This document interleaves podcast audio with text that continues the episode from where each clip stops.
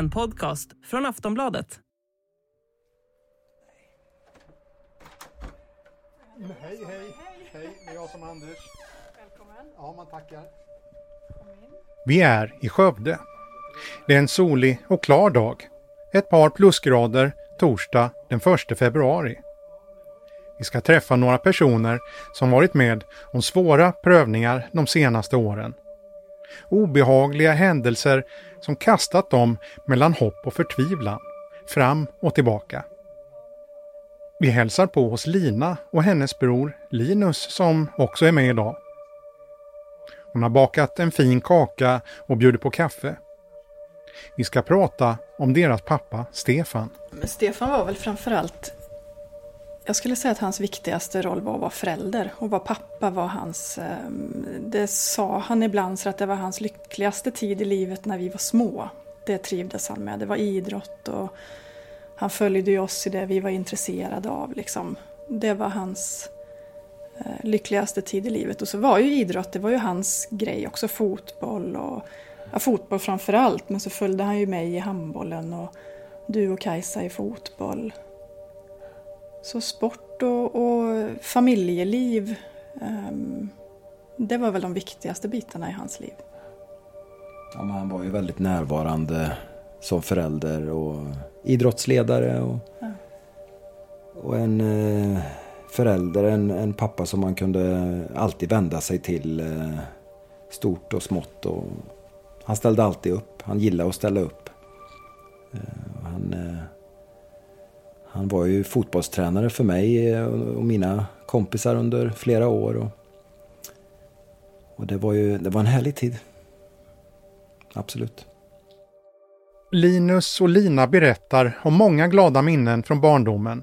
Från resor och annat även när de blivit större. Eh, Jag har ett minne när han och jag skulle hämta dig och dina kompisar på en flygplats. Det var väl Skavsta först då? Han kunde ju åka över hela världen om det var så att någon skulle hämtas. Liksom. Det var ju inte bara vi. Han satte sig alltid i bilen. Och då åkte vi upp. Och sen på något vis så fick vi veta sen att ni var inte på väg till Skavsta, ni var på väg till Malmö. Och då kommer jag ihåg hur han bara gjorde en U-sväng och äh, men då åker vi dit.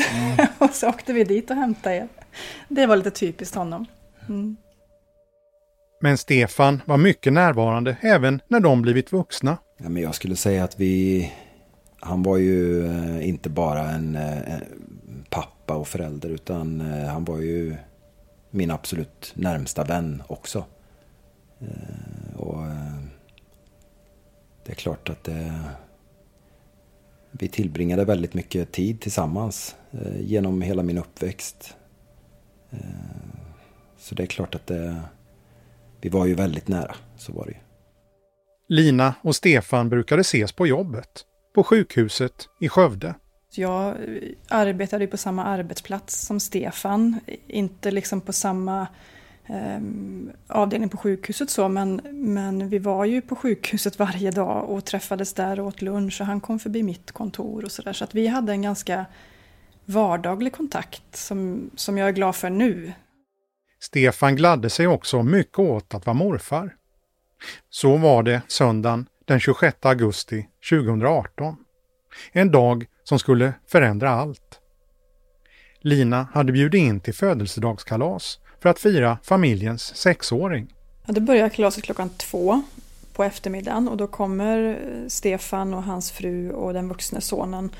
Ehm, och man ser direkt att, att det är något med Stefan. Han är lite disträ liksom. Sen regnar det ute så han var lite rufsigt, eh, rufsig i frisyren sådär. Men han kommer in i alla fall, ger sin present um, och hälsar runt på alla och sen går det några minuter innan han eh, försvinner ut på toaletten och mår dåligt. Um, Och det märker väl inte jag. Jag har ganska mycket att göra i, i köket och sådär. Men jag förstår att det är någonting uh, med Stefan.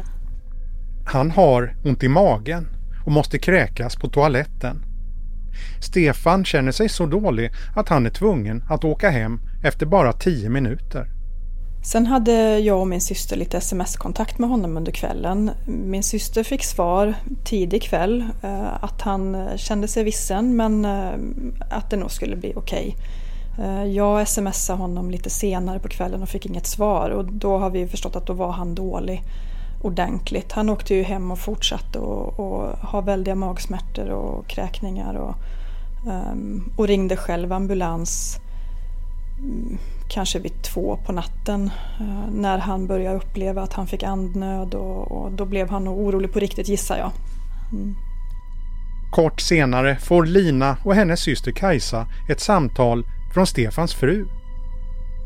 En kvinna han gift sig med några år efter skilsmässan från deras mamma. Mitt i natten så, så ringer hans fru till både mig och Kajsa eh, som bor ganska nära varandra och vi, hon försöker förklara då att han ligger på intensiven. Och det kan jag väl inte riktigt ta till mig. Jag tänker att han har kommit in till akuten men vi känner ju ändå att vi vill åka in och vara med. Så vi eh, tar med oss, eh, Kajsa har en liten bebis och jag har en liten ettåring som behöver åka med mitt i natten då för vi hade ingen möjlighet att ordna det på ett annat sätt. Så vi kommer ju in där och blir lotsade till intensivvårdsavdelningen eh, och får till oss när vi kommer in att det är allvarligt. Han är riktigt sjuk då. Det här avsnittet är exklusivt för Aftonbladet Plus och Podmikunder. Gå in på kampanj.aftonbladet.se aftonbladetkrim så kan du signa upp för Plus i två månader för 49 kronor. Sen kan du lyssna i Aftonbladets app eller sajt. Vill du testa Podmi kan du göra det i 14 dagar kostnadsfritt. Gå in på podmi.com och teckna Podmi Premium så får du tillgång till alla premiumpoddar helt utan reklam.